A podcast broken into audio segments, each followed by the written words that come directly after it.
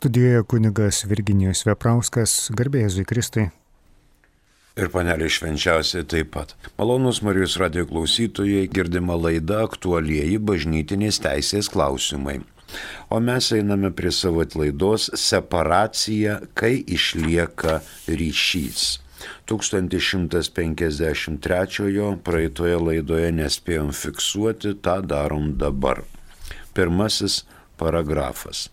Jei vienas iš sutuoktinių sunkiai pakenkia tiek dvasiniai, tiek fiziniai kitos šalies ar vaikų geroviai, arba kitaip per daug apsunkina bendrą gyvenimą, kitai šaliai suteikia teisėtą priežastį pasitraukti vietos ordinaro dekretu ir jeigu dėlsimas būtų pavojingas, netgi savo sprendimu.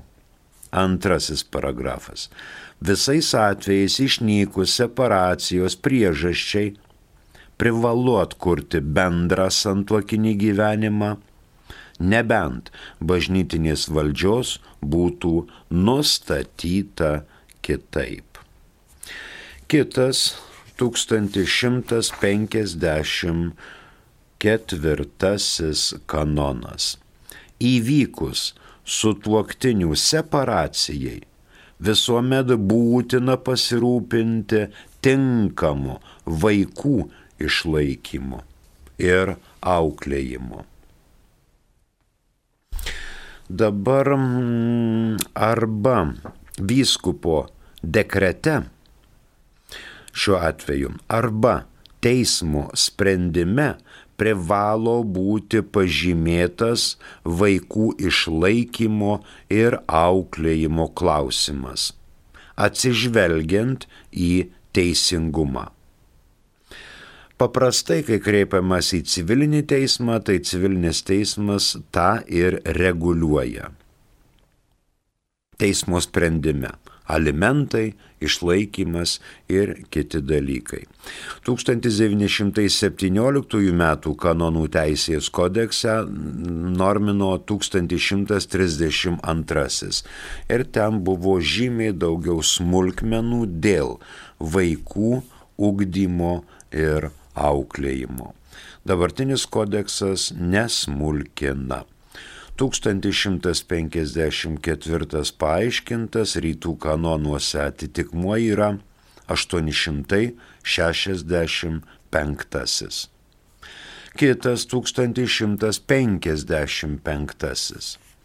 Nekaltasis sutuoktinis pagirtinai gali iš naujo priimti savo sutuoktinį santuokiniam gyvenimui tokiu atveju jis atsisako separacijos teisės.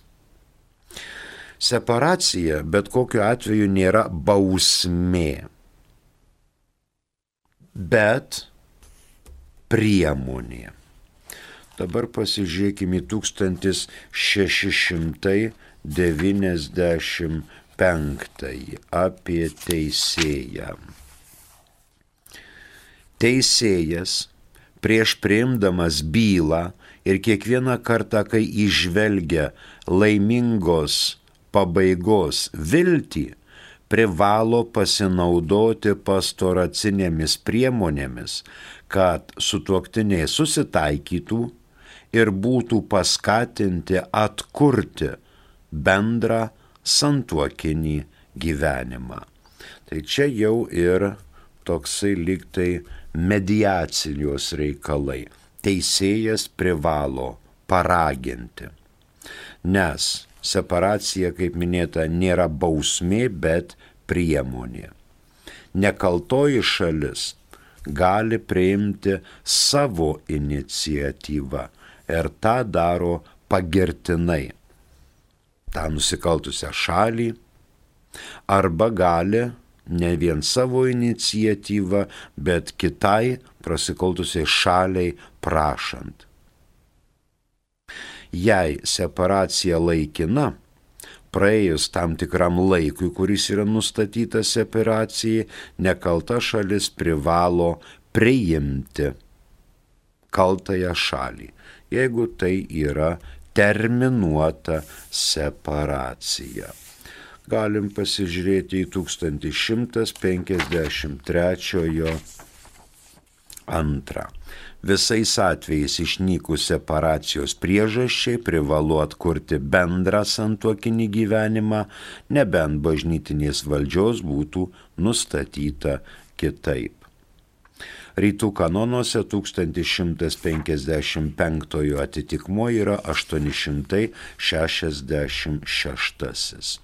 Fiksuojam nekaltasis sutuoktinis pagirtinai gali iš naujo priimti savo sutuoktinį santuokiniam gyvenimui.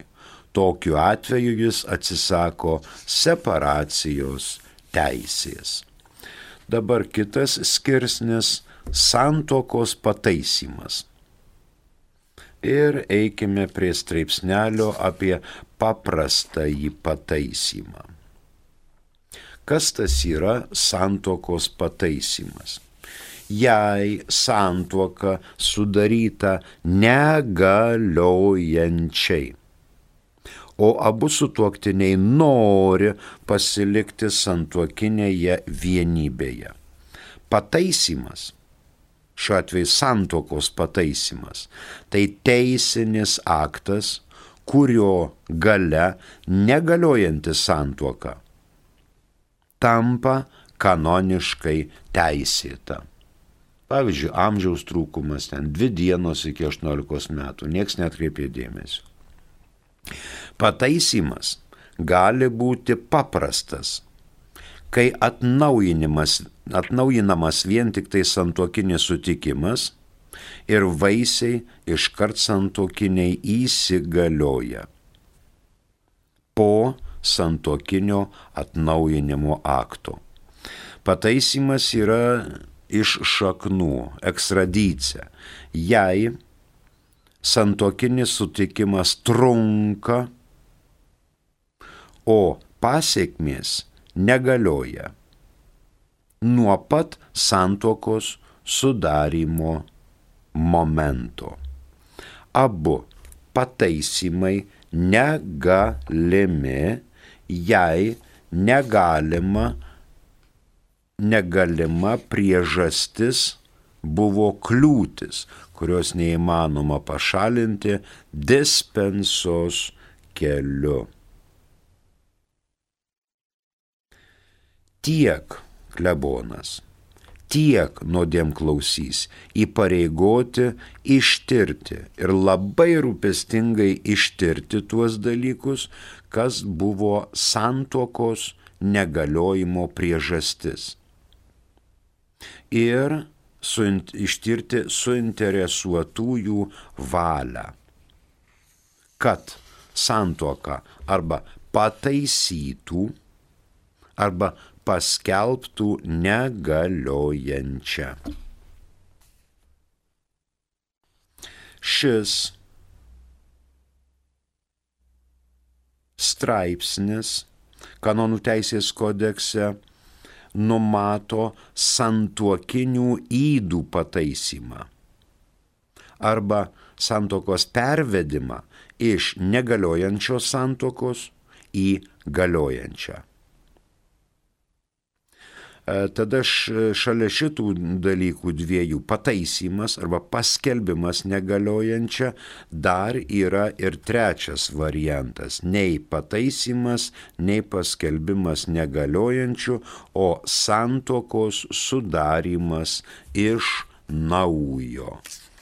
Mums į pagalbą gali ateiti 1161 negaliojančios santokos sanacija iš pagrindų yra kompetentingos valdžios suteiktas jos pataisimas, atnaujinant, atsiprašau, neatnaujinant suteikimo, apimantis dispensą nuo kliūties, jei tokia būtų, ir nuo kanoninės formos, jei jos nebuvo laikytasi, ir kanoninių padarinių nukėlimą į praeitį.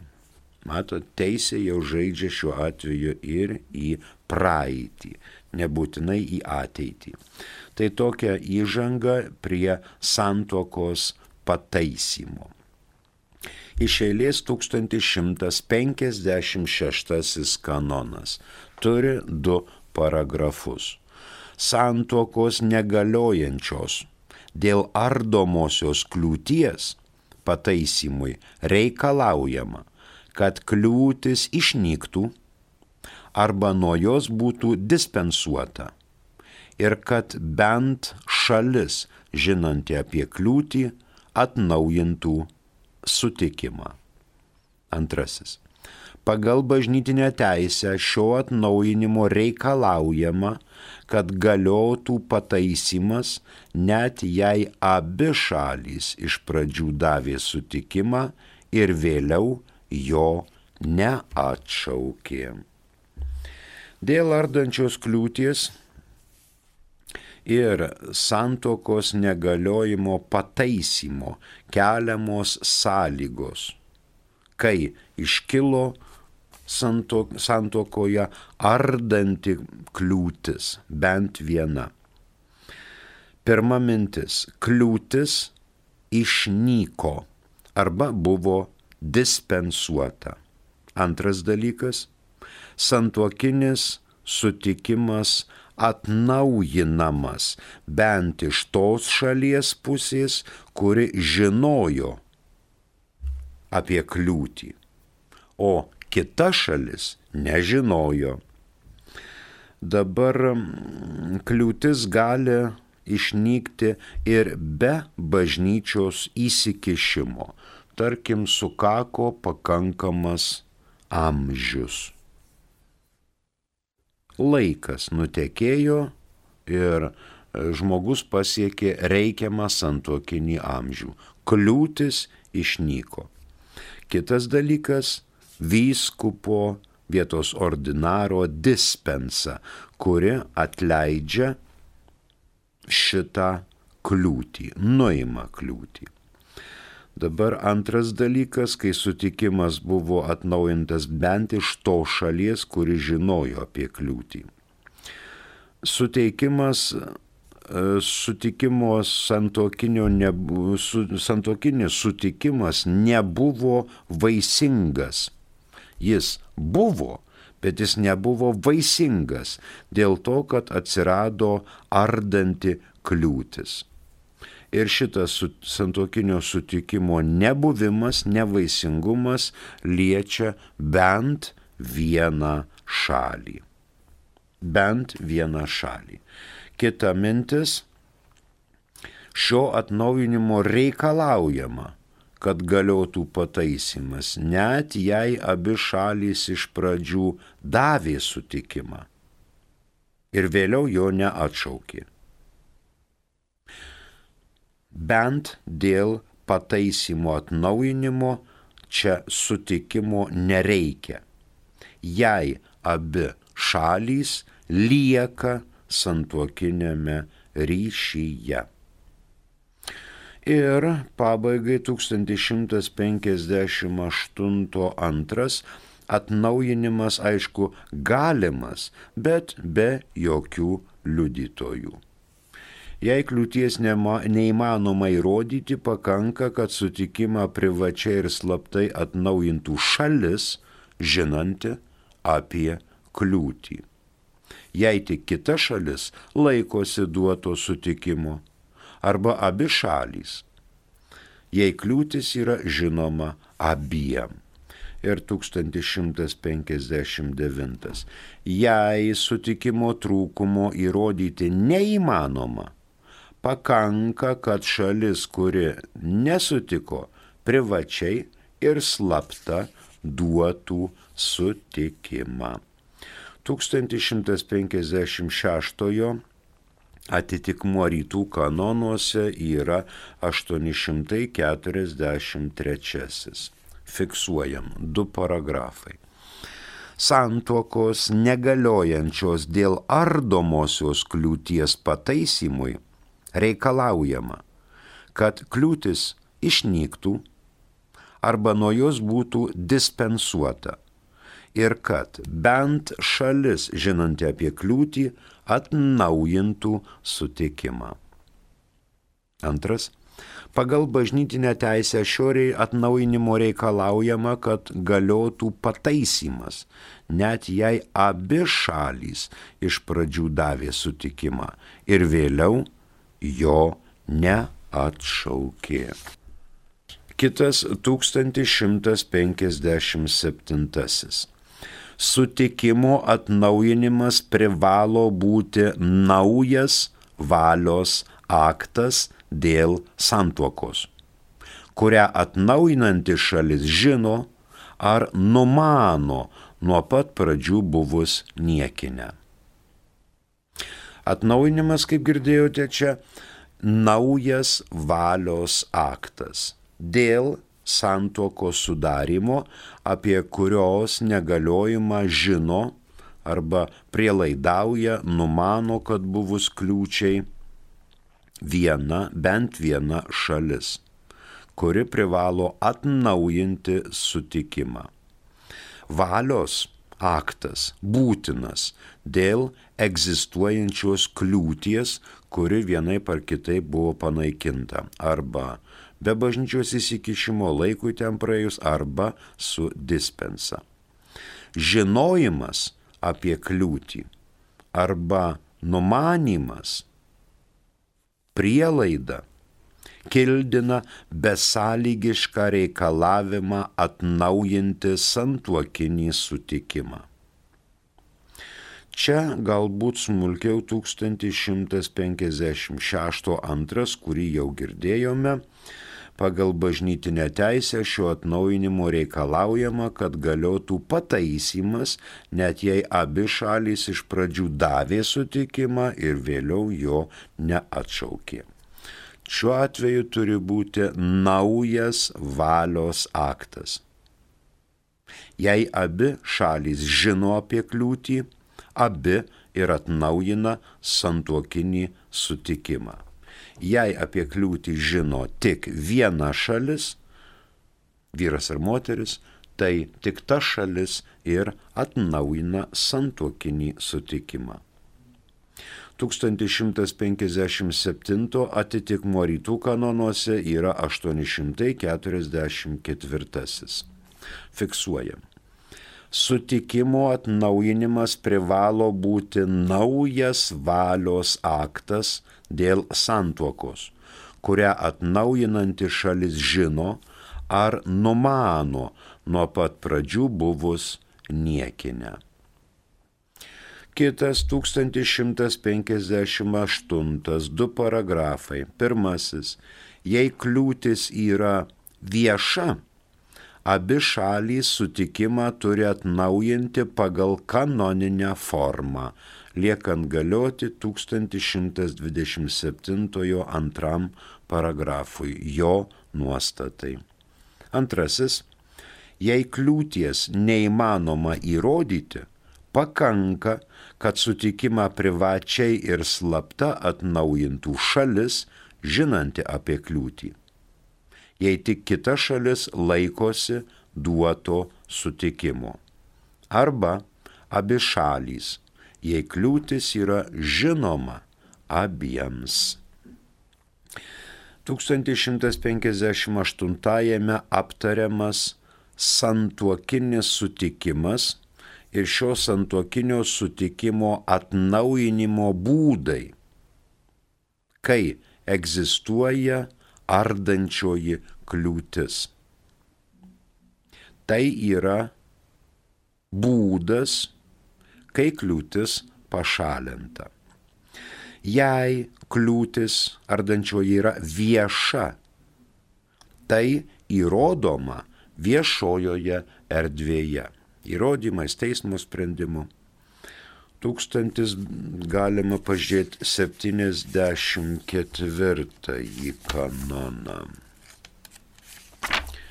1074 kanonas.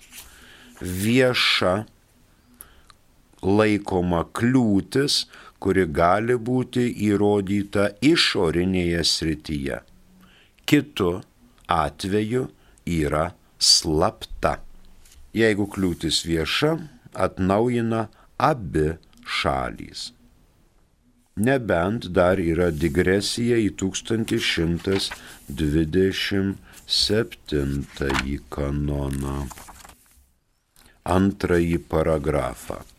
Jei dideli sunkumai trukdo laikytis kanoninės formos, Katalikiškosios šalies vietos ordinaras atskirais atvejais turi teisę nuo jos dispensuoti, tačiau atsiklausęs vietos, kurioje celebruojama santuoka ordinaro ir galiojamai išlaikydamas bent kokią viešą celebravimo formą.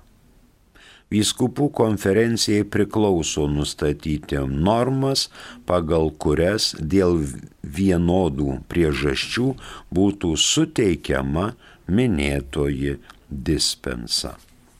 Pavyzdžiui, buvo suteikta dispensa nuo mišrios santokinės formos. Atnaujinimas santokinio sutikimo būtinas, jei apie šią viešą kliūtį žinojo tik tiek viena, tiek abi šalys. 1108 kanonas, pirmas paragrafas galiojančios yra tik tos santuokos, kurios sudaromos asistuojančio vietos ordinaro arba klebono arba kurio nors iš jų deleguoto kunigo arba diakono, taip pat dviejų liudininkų akivaizdoje. Tačiau pagal taisyklės aprašyta žemiau išdėstytuose kanonuose ir laikantis išimčių, kurios ten ir nurodytos.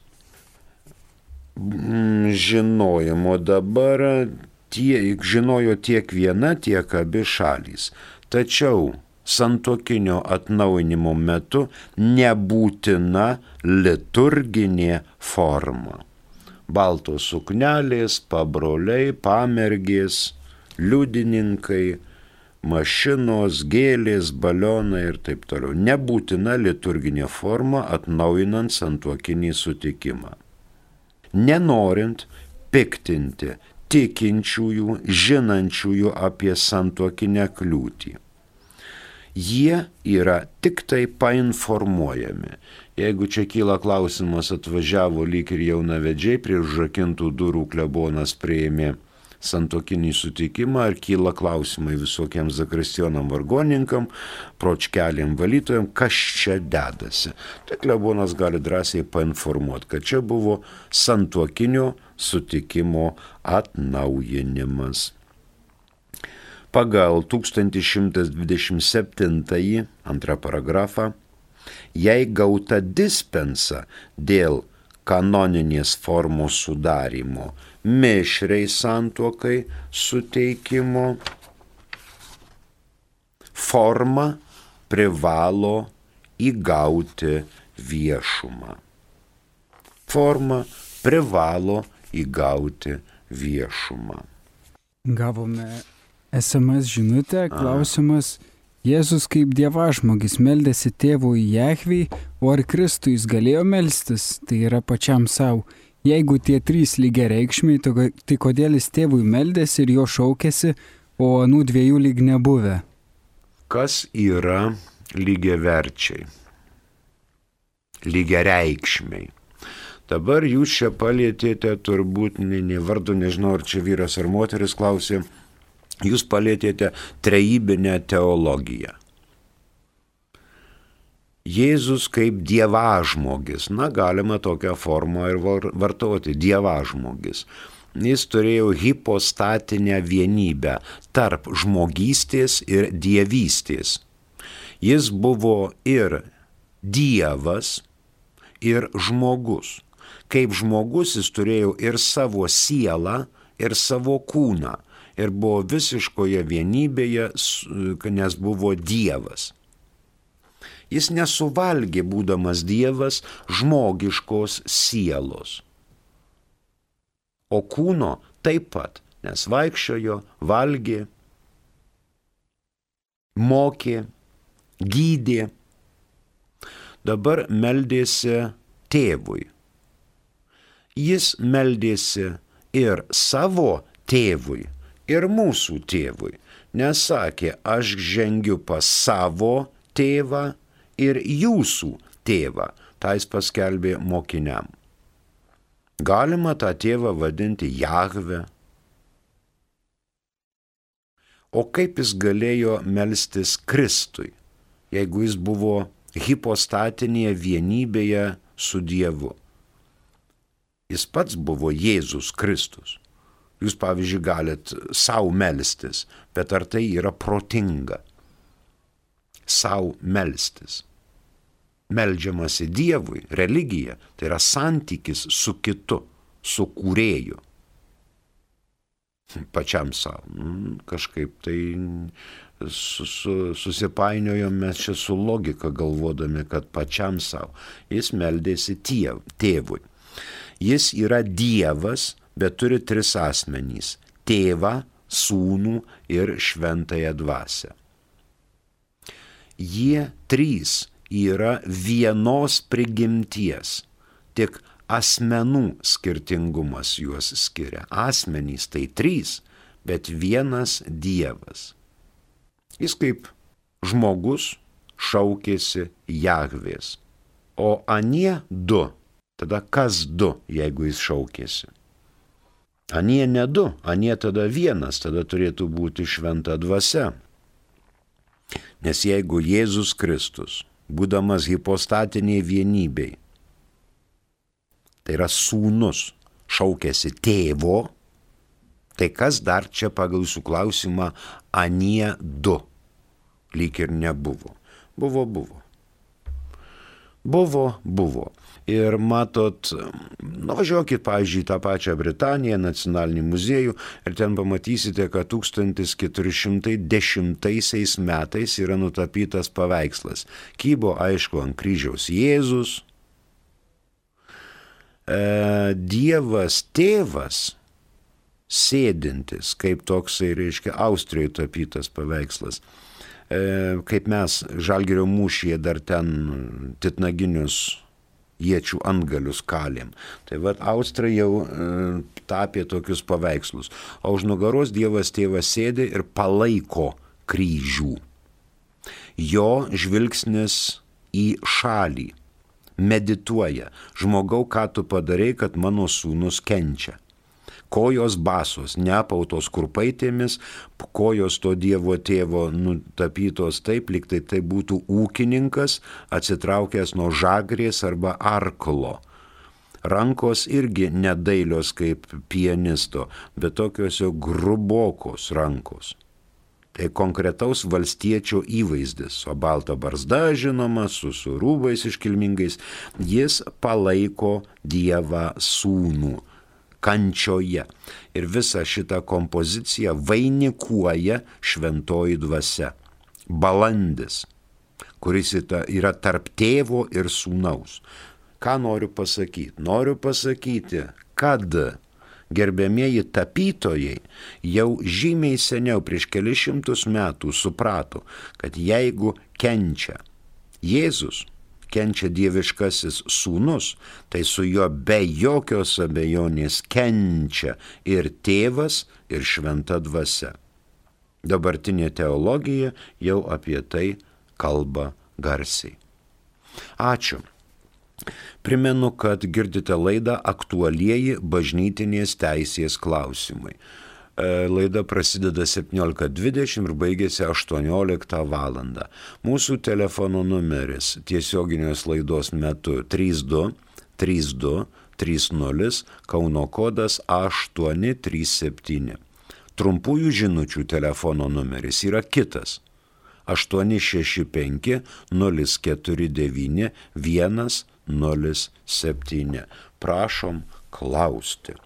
O mes einam toliau prie 1158 kanono. Taigi forma privalo įgauti viešumą. Jei kliūtis slapta ir jos neįmanoma įrodyti išorinėje srityje, atnaujinimas gali būti tik privatus ir slaptas. Kliūties niekas nežino. Niekam jinai yra nežinoma ta kliūtis. Tada atnaujinimas iš to šalies, kuri žino tą kliūtį, gali būti tiek tik tai privatus ir slaptas. Jeigu jau kita šalis žino kliūtį, jau tada kliūtis nėra slapta, jau galima šią kliūtį įrodyti. Todėl konfesarijai, klebonai turi visą laiką rūpestingai sužiūrėti. Ir matot, santoka iš principo yra tas sakramentas, kurio negali teikti net popiežius nei kardinolas, nei vyskupas. Santuoka yra teikiama abiejų sutuoktinių vienas kitam. Vyras santuoką teikia moteriai, moteris santuoką teikia vyrui. Ir duoda vienas kitam šį sakramentą. Kunigas tik tai priima. Na taip, diakonas gali, vyskupas, gali popiežius, priima santuokinį sutikimą. Kiekviena šalis apsisprendžia duoti santuokinį sutikimą, kad aš sutinku tave imti į žmonas, o tu sutinki tekėti už manęs sutikimas, tai yra valios aktas. Ir reikia žiūrėti, kad ten nebūtų pagrobimų, nebūtų prievartos, kad būtų pilnamečiai, kad neturėtų kitų įsipareigojimų nei civilinėje, nei bažnytinėje teisėje.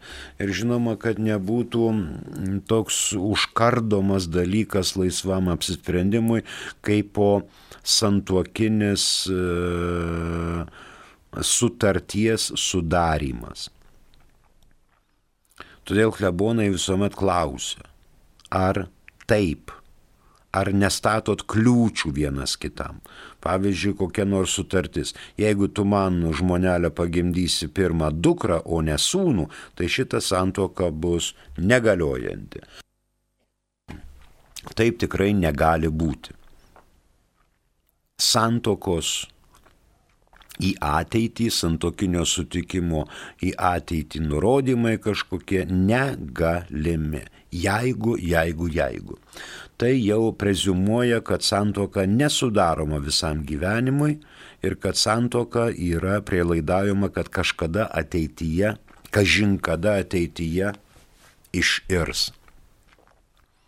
Tarkim, jeigu žmogus vyras yra nepasiturintis, o žmona būsimoji be galo turtinga, jie sudaro sutartį, kad skirybų atveju turtelis bus padalintas taip ir anaip. Tai jau tada prielaidaujama, kad šita meilė, šita santoka gali ateityje iširti. Ir bažnyčia patyrusi, kad yra tokia santuokinė sutartis, iki santuokinė sutartis, tokių santuokų nelaimina. Paprasčiausiai nelaimina. Jau padarytas žingsnis, kad šita santoka gali iširti. O bažnyčia laimina tokias santokas, kurios turėtų būti tvarios ir galiotų iki pat gyvenimo pabaigos atėjo SMS, kai dar prašom. O ką reiškia Dievas pasmerkė mirti Dievą? Prieš tai čia kitas klausimas dievą? dar buvo, pažiūrėkite, iš eilės. Ar, ar gali būti brolis savo broliui sutvirtinimo tėvu? Gali, jeigu tik tai atitinka kitus reikalavimus, turi ne mažiau 16 metų amžiaus tas sutvirtinimo tėvas, jeigu jis yra pats pakrikštytas katalikų bažnyčioje, privestas prie komunijos, prie sutvirtinimo sakramentų, o jeigu gyvena, žinoma, gerbiama gyvenimą santokinį, tai turi būti paėmęs santokos sakramentą. Ten yra ir kitų reikalavimų, bet iš principo brolius brolių sutvirtinimo tėvų būti gali. Mums paskambino dar, prašom. Paskambino Jonas. Jonai, klausom. Labą dieną. Labas. Norėjau, norėjau sužinoti. Patildykite. Galima persižegnoti žegnojam vardant Dievą, reikia pirštų laikyti kaktus ar ne, ar tai vardant Dievą, paskui dėti pirštą ant krūtinės tėvą ir dvasios ant pėties. Jo, mes taip žegnojame, sakom vardant Dievo ir kalam pirštukus ant kaktos, paskui tėvo ant krūtinės. Jo, ant kaktos. O ant ko daugiau? O, o dabar tėvo ir sūnaus ant krūtinės tėvo ant krūtinės ir sūnaus ant kairio pėties ir šventosios dvasios ant dešinio pėties. Ačiū. Ir sudedam rankas ir sakom amen. Pas mus yra taip, kitur yra kitaip. Ačiū. Dar žinutė, prašom. Ką reiškia Dievas pasmerkė mirti Dievą, kad permaldautų Dievą? Paaiškinkit tokią logiką.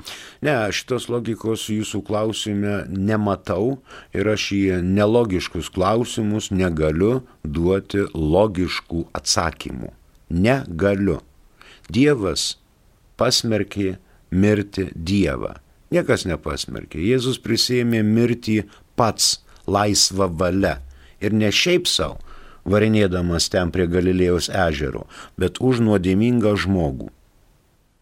Už mane ir už kitą. Žmogus žmogaus nesugeba sukurti, žmogus sugeba Dievas sukurti. Ir mes kiekvienas ant šito žemės esam Dievo sukurti. Sutinkam begalę žmonių kasdien be kurių šitas pasaulis būtų gražesnis ir šviesesnis. Deja, Dievas prikūrė mums tokių žmonių, su kuriais mes privalom rasti bendrą kalbą. Ir gimtoji nuodėmė tiek pažeidė mūsų prigimtį, kad mes matot ir klausiam. Dievas pasmerkė mirti Dievą. Niekas čia nieko nepasmerkė. Jėzus prisėmė mirti pats laisvą valią. Iš meilės. Už žmogų. Jėzui Kristui priklauso kančia, mirties kančia, kryžiaus kančia ir turi dievišką vertę. Todėl atpirko visos žmonijos gimtosios nuodėmės pasmerkimą. Atpirko. Ir mes, kurie stengiamės tikėti, mes aplikuojame šitą meilę į save ir norime neįsivaizduojamo vaizduotę pranokstančio rojaus. Norime, nes čia žemėje esam pasmerkti. Pabandykit jūs čia pagyventi kokį tūkstantį metų. Šakės. Ką jūs čia veiksit? Mes privalom mirti, tai yra didžiausias džiaugsmas, nuostabioji sesė mirtis, kaip šventas Pranciškus sakė. Ačiū klausytojams už klausimus, mūsų laikas išseko. Dėkoju, kad klausėtės, prie mikrofono dirbo kunigas Virginijus Veprauskas, ačiū ir sudė.